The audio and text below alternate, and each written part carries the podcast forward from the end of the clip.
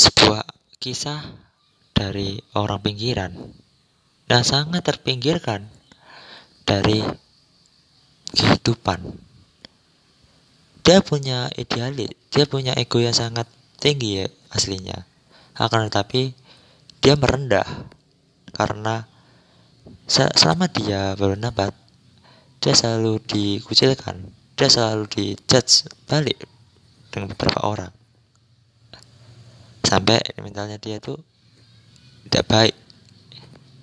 Nah, di sini mungkin dia mau bercerita tentang apa yang terjadi, apa yang dia lakukan selama dia ada di kehidupan pada masa saat ini.